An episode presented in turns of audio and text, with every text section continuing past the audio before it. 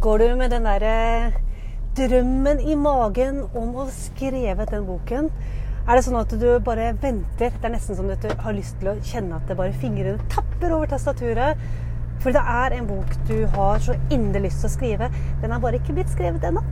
Jeg er Ragnhild Handersek Vea, og jeg snakker om alt fra deg og din unike nettside Deg på nett til livet midt imellom. Og akkurat nå så er du med meg i bilen på en liten biltur. Og temaet det er rett og slett dette med den lille nesten skrivekløen. Iallfall behovet for det å um, få ut den boka. Og det som slo meg når jeg skulle skrive om det her, og også gjøre denne lille episoden her, er jo det er litt fascinerende at selv i den digitale verden vi lever i, og nå har jeg jo holdt på mye med, med, nettsider, og vet det er mange som går og drømmer om og planlegger, og har igangsatt ikke minst eh, nettkurs og medlemsplattformer og alt dette her. Så jeg har likevel dette her med en fysisk bok noe som står veldig høyt på ønskelisten og planene til utrolig mange. Og det finnes sikkert masse årsaker til det. Jeg har lyst til å bare bringe opp noen av dem. Jeg tror noe av grunnen er at eh, jeg tror veldig mange av oss forbinder det med å ha skrevet en bok som det å samle noe i noe fysisk. Eh, det er litt som eh, altså Du gjør noe fysisk. Kan, det er ikke bare ord, det er ikke bare ting som kan forsvinne ut i intet. Det er eh, bokstavelig talt skrevet ned og forblir der for alltid. Og jeg tror også det er den opplevelsen og følelsen av å kunne um, pass on, altså som heter på engelsk. Det å kunne viderebringe noe av det du brenner for. Enten om det er faglig, som noe du skal ut med, eller om det er skjønnlitterært, eller om det er poesi. Eh, hva det enn er som du kjenner at det derre dette har jeg lyst til å skrive om. Og så er det nå engang sånn at uh, akkurat som veldig mange andre drømmer og ideer som vi har lyst til å gjennomføre, så er det også veldig mange bøker som blir med tanken. Eller de er påbegynt, men de blir aldri ferdigstilt. Og hvorfor ikke det? Jeg tror mange av grunnene handler om nøyaktig de samme tingene som gjør at eh, en blogg kanskje aldri kommer ut, eller et nettkurs aldri blir lansert, eller blir lansert, men det skjer ikke noe mer. Eh, jeg tror det handler om veldig mye av de samme elementene, og jeg har lyst til å trekke opp noen av dem. Og jeg har lyst til å dele eh, min egen erfaring. Fordi det er mulig du kan kjenne deg igjen, og kan bruke det til inspirasjon, sånn at din bok faktisk kan bli en virkelighet. Akkurat som alle andre drømmer, så er det deilig og fint og inspirerende å drømme. Og det er deilig å se for seg den boka. Og det kan være du til og med ser for deg litt sånn romantisk forestilling om at du sitter og skriver nesten på en gammel skrivemaskin, kanskje ikke akkurat det, men skriver langt utpå natten og med et deilig glass rødvin eller en varm kopp te. og Regnet sildrer utenfor, og det er litt sånn tatt rett ut fra en eller annen roman. Og så er ikke det realiteten. Fordi at du har jo hverdagen din oppi alt dette her. Du har kanskje en annen jobb du også skal skjøtte. Du har kanskje en familie du skal ta vare på. Og den tiden som du så for deg at du skulle bruke på å skrive, den er jo fylt opp med alt mulig annet. Og så blir tiden unnskyldningen. Jeg får jo aldri tid til. Jeg får jo ikke gjort. Jeg har begynt, men jeg, ikke, jeg har ikke anledning. Når skal det da skje? Jeg har snakket om det her mange, mange ganger. og det er det at tid er relativt. Det er de samme 24 døgnene, timene i døgnet vi har alle sammen. Det er hvordan vi bruker det, som avgjør hva vi får gjort. Og noe av det det handler om, er Gjør vi den tiden som skal til for å skrive den boka, viktig nok, eller viktigere enn? Eller er det sånn at du tenker at nå skal jeg skrive, setter deg ned, og så kommer det en mail, så kommer det en telefon, så kommer det en eller annen request på noe helt annet, og så tar du det isteden, for det er lettere. Det er lettere, for det vet du hvordan du skal gjøre. Du vet hvordan du skal svare den telefonen, du vet hvordan du skal ta den mailen. Du føler at det er noen som venter på deg, så det må du bare gjøre. Det haster litt. Det å skrive denne boka er ikke så lett. Eller du får ikke noe umiddelbart resultat på den, så det er lettere å skyve den. Og så er det alle disse stemmene da, i hodet vårt som forteller oss at ja, men er det egentlig noe vits, dette her? For drømmen er én ting. Drømmen om denne boka, der har vi alle disse store, gode følelsene og tankene og ser det for oss. Og endelig, og du nesten du kanskje kan se for deg coveret på boka, eller du skal be noen spesielle om å lage coveret på boka, eller du ser for deg en bestselger, eller du ser for deg at du går inn i en fin, deilig bokhandel. Jeg er veldig glad i bokhandlere. Og gå inn der, og der står boka di. Der står den. Og du ser at noen tar den ned fra hylla, går bort og kjøper den. Det er en god følelse, det. Men det er et godt stykke derfra til der du sitter akkurat nå. Og der du sitter akkurat nå, så kommer alle disse stemmene som forteller at du må velge andre ting først. For den bokhandelbiten kan du ikke være 100% sikker på. ikke sant? Du kan jo ikke være helt sikker på at den boka faktisk blir en suksess. Så da velger du å gjøre noe annet isteden som du har en viss kontroll på. Som å svare på den mailen. Som å ta den telefonen. Så du slipper ubehag med at noen må vente på deg i andre enden. Eller du slipper ubehaget med at du må gjøre en annen jobb i morgen som du kunne gjort i dag. Og så skyver du på den drømmen. Og så blir ikke boka noe til. Eller det er en annen tanke som driver og konstant lager støy i hodet ditt. Det er den tanken som forteller deg at du er ikke klar nok for å skrive. Det rare er at de færreste, hvis noen, har starta noe som helst som har vært suksessfullt med å vite alt, kunne alt, rett til suksess. Nei. Hvis du har lest eller fulgt med eller sett videoer eller hva som helst av mennesker som du anser som suksessfulle, og lest deres historie, hørt de snakke om sin historie, så er det én ting som alltid går igjen. De har prøvd, de har feila, de har reist seg igjen. De har prøvd noe annet, de har feila, de har reist seg igjen. Og sånn har de holdt på. Og hver gang de har feila, eller såkalt feila, så har de alltid tatt med seg lærdommen, gjort tweaking, gjort endringer, og så gått videre. Kanskje har kurset måttet endres underveis, men de har aldri mistet fokus mot målet. Veien dit har kanskje endret seg. Målet har sikkert justert seg, men de har fortsatt holdt fokuset ditt. Og sakte, men sikkert, sten for sten, steg for steg, time for time, så ble det en suksess. Det samme gjelder deg og når du skal skrive. Det å bli en suksessfull forfatter, eller i hele tatt kunne bli noe som helst som omhandler det å publisere en bok, er det ingen av oss som kan før vi har gjort det. Men vi må gjøre det. Og så kan det være du tenker at ja, men jeg må jo bare først, og så har jeg jo ikke noe forlag, og så må jeg jo ha noen som skal eh, skrive den for meg, og så må jeg dit, og så må jeg da. Og så lar du det bli unnskyldningen, eller det som stopper deg for du har ikke noen kontakter i et forlag akkurat i dag. Du har ingen rundt deg som du kan be om å lese korrektur akkurat i dag. Du har ikke noen av de ressursene rundt deg akkurat i dag, men det er bare veien. Fortsatt er målet boken. Og hvordan kommer du dit? Jeg skal ta det tilbake ti år. Det er faktisk Det slo meg eh, ti år siden i disse dager. Hvor jeg satt på en bok som jeg kjente jeg hadde så inderlig lyst til å skrive. Jeg hadde to små barn på det tidspunktet og en liten en i magen.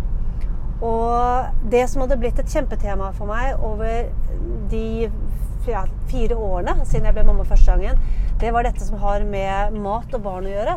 Det hadde vært en, en trend eh, i Norge over en liten tid hvor det ble liksom Hva skal jeg si Som mor så ble du enten plassert i én av to grupper. Enten så var du den gruppen mamma som eh, lagde disse fantastiske matpakkene til barna dine med med blomsterutskjærte grønnsaker, og alt var liksom helt på stell, økologisk osv.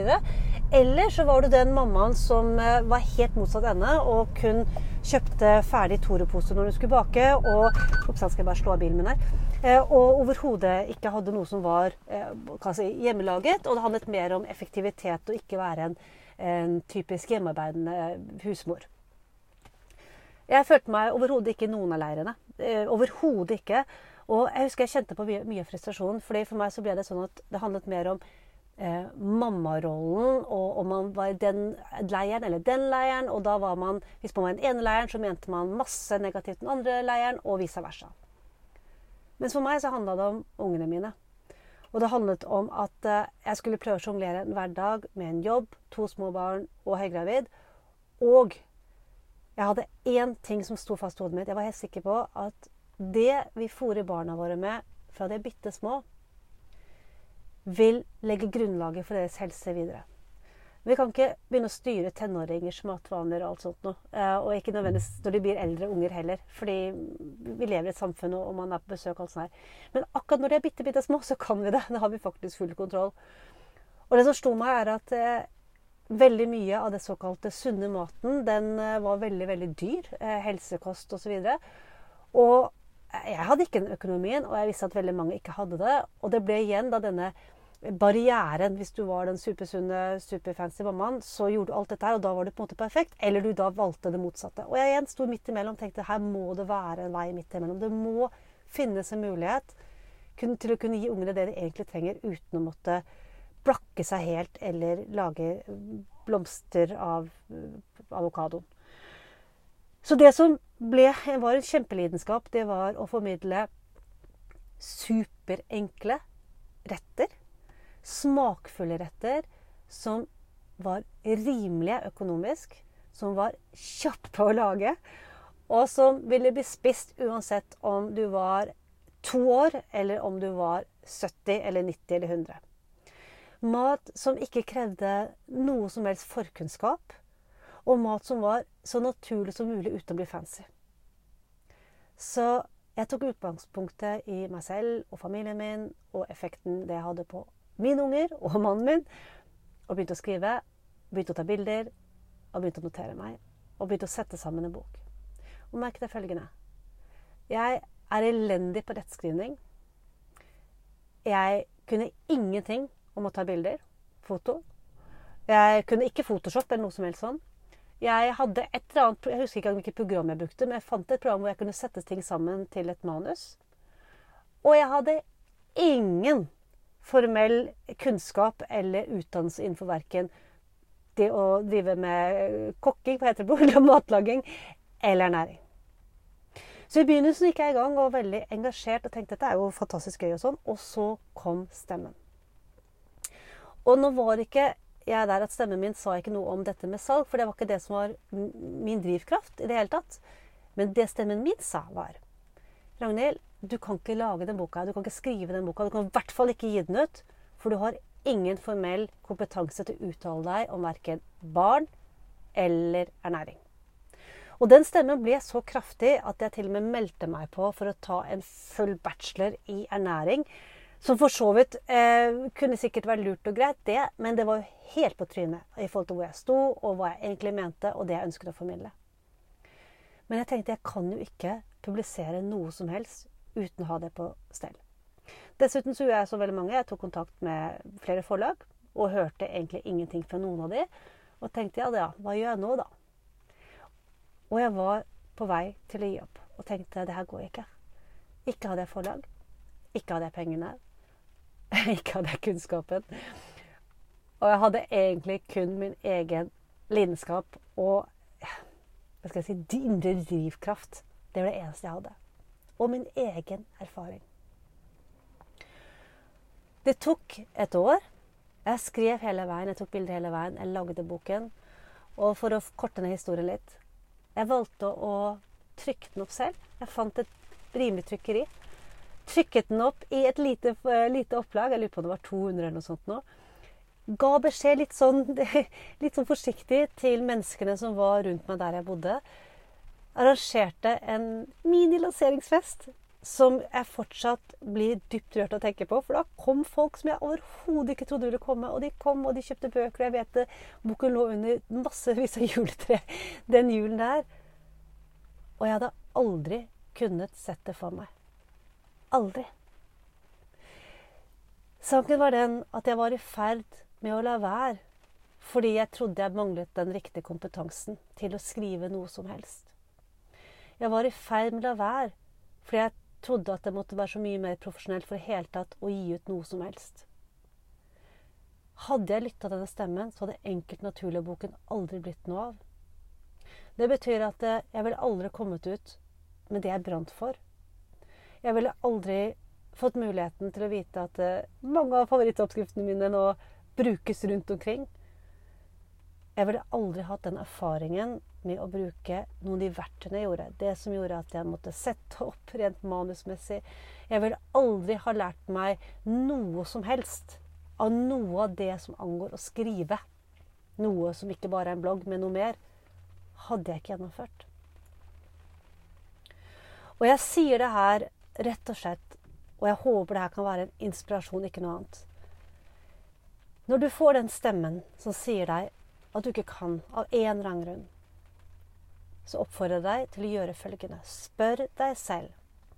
Det nå sier til meg selv, er det 100% sant eller sikkert? Er det 100% sant eller sikkert? Hvis ja, så har du ikke noe bok. det er veldig greit. Sannsynligheten er at nei, det er ikke 100% sant eller sikkert. Det er ganske mange prosent sannsynlig for det motsatte eller noe helt annet. Så hva hvis du tror på det isteden? Hva hvis du tror på de prosentene isteden? Fordi ingen av oss kan vite 100% noe som helst om resultatene av det vi gjør. Men vi kan selv velge hva vi velger å tro på. Og hva vi velger å tro på, vil avgjøre hvilken vei som tar oss mot målet eller fra målet, eller om vi rett og slett gir opp målet, hvilket vil være veldig, veldig synd. Så tilbake til deg da, og din bok. Hva er det du vil skrive om? Hvorfor vil du skrive akkurat denne boken? Og hva er det stemmen i ditt hode forteller deg som gjør at du enda ikke har fått gjort det? La oss si det er tid, da. La oss si du sier til deg ja, men jeg har ikke tid, jeg har ikke tid, jeg har ikke tid. Er det 100% sant at du virkelig ikke har tid, eller ikke kan omprioritere tiden din? 100 eller er det mulig å omdisponere tiden? Si nei til noe annet? Sette av tid til å skrive? Er det sant hvis du forteller deg selv at ja, men vet du hva, jeg er ikke noe god til å skrive? Er det 100% sant at du ikke er god til å skrive? Hvorfor er det da en bok du vil gjerne få ut? Kan det bare være at du som meg ikke er så god på rettskrivning og vil trenge at noen leser korrektur for deg senere? Men at det ikke handler om å være god til, men at du kanskje er redd for ikke å være god nok, så bare skriv. Og når manuset er ferdig, så vil det dukke opp ett eller flere mennesker som kan bistå med å korrekturlese og dobbeltsjekke for deg hvis det skal være sånn. Og tro meg, jeg har måttet trenge det. Ikke minst med Dagsplan, siste versjonen. Jeg vet ikke hvor mange korrekturer vi printa ut og leste. Og printa ut og leste. Til slutt var jeg så lei. Men jeg måtte gjøre det. Og stadig vekk så fant jeg noen nye ting. Det er en del av livet til det å skrive. Men det kan ikke stoppe deg. Så du, tilbake til boka di. Kjenn etter hvor viktig den er for deg. Og så spør deg selv igjen denne spørsmålet som omhandler hva som står i veien. Og så velg deg en ny sannhet. Sett av tid, og bare begynn. Bare begynn å skrive. Jeg håper at det her eh, ga deg noe du kan ta med deg videre. Masse lykke til med prosjektet ditt. Det starter med det vi gjør i dag. Små skritt. Det leder til slutt til resultater. Ha det godt så lenge.